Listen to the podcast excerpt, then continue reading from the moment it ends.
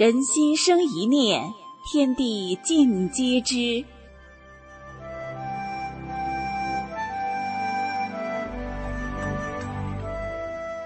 听众朋友您好，欢迎收听明慧广播电台《善恶一念间》节目。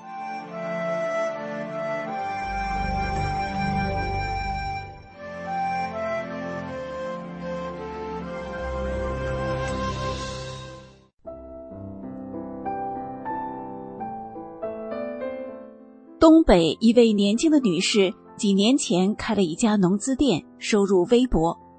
自从得到一个秘诀后，在大陆经济一落千丈的大环境下，最近这三年，她不仅又开了两家店，还成了千万富翁。她致富的秘诀是什么呢？下面我们就来听听姜丽的邻居一位法轮功学员讲述的真人真事。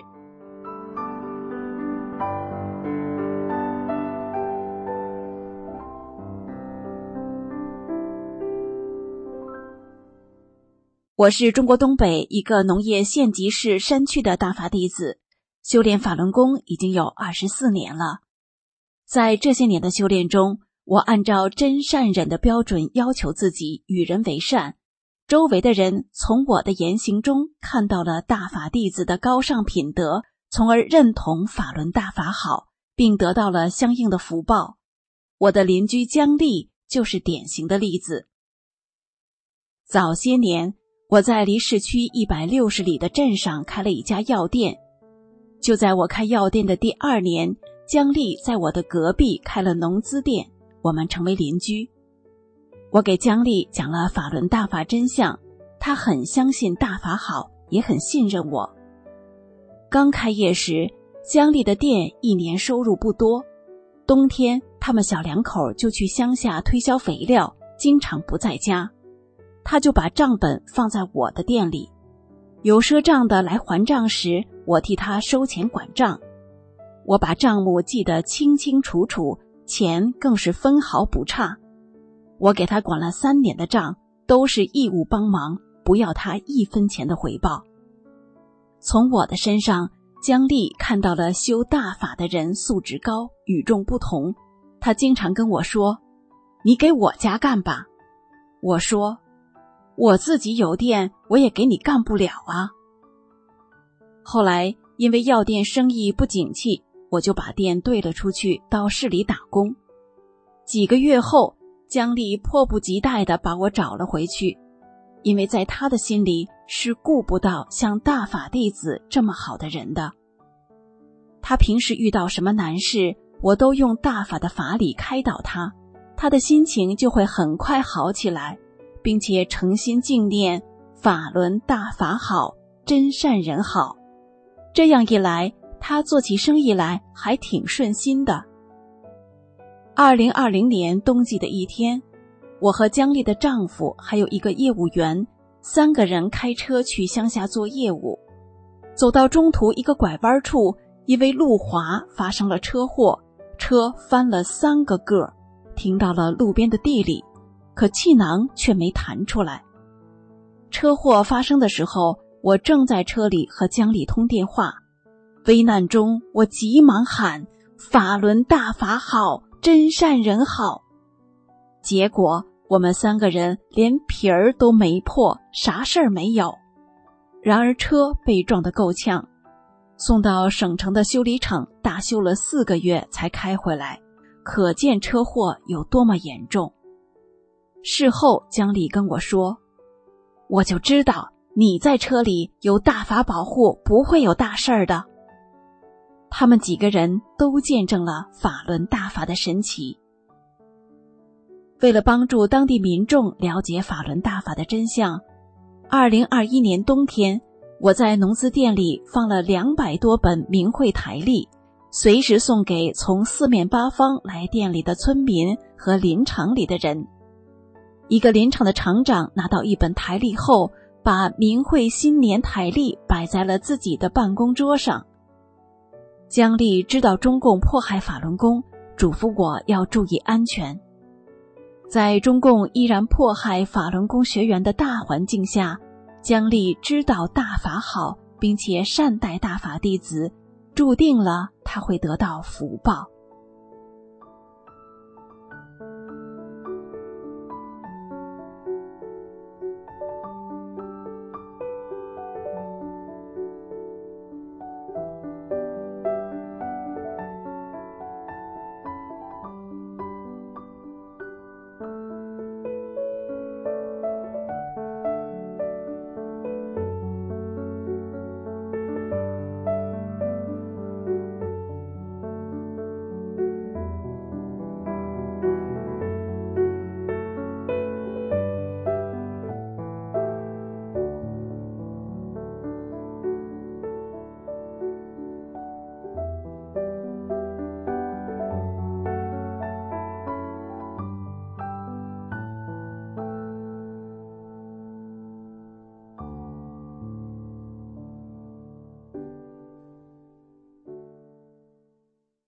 二零二一年年底，江丽夫妻又在我市东部山区的镇子上筹备了一家农资店。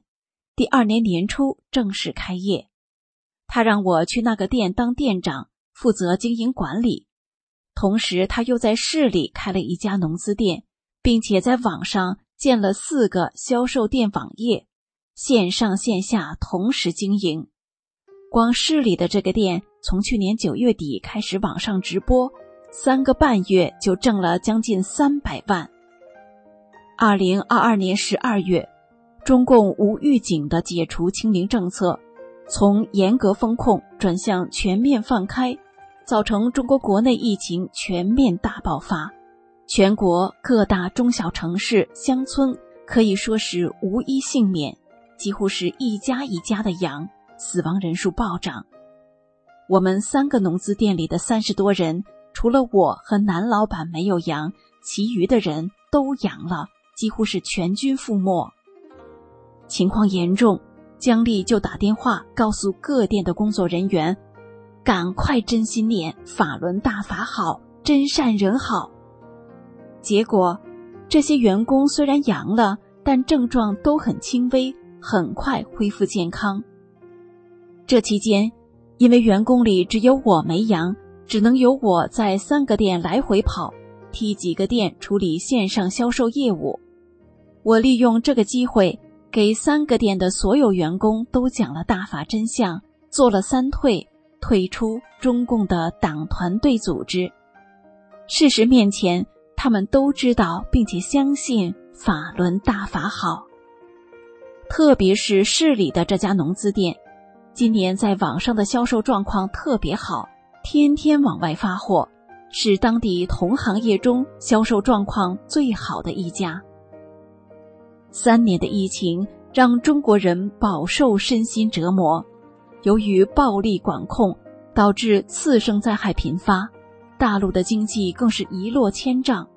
而在东北的这个农村小县城，江丽的农资店却是风景这边独好，生意做得风生水起。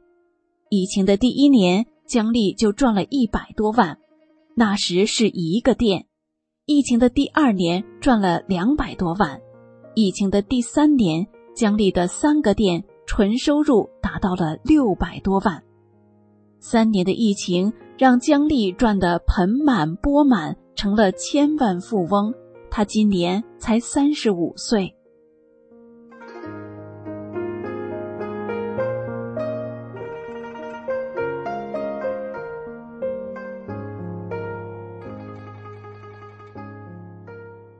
大法弟子按照真善忍的标准做好人，所到之处不仅改变了环境，民众也在大法中受益。姜丽就是明白了大法真相，支持大法弟子传真相，从而给他带来了如此大的福分。是大法赐福，姜丽才有了如此好的生意。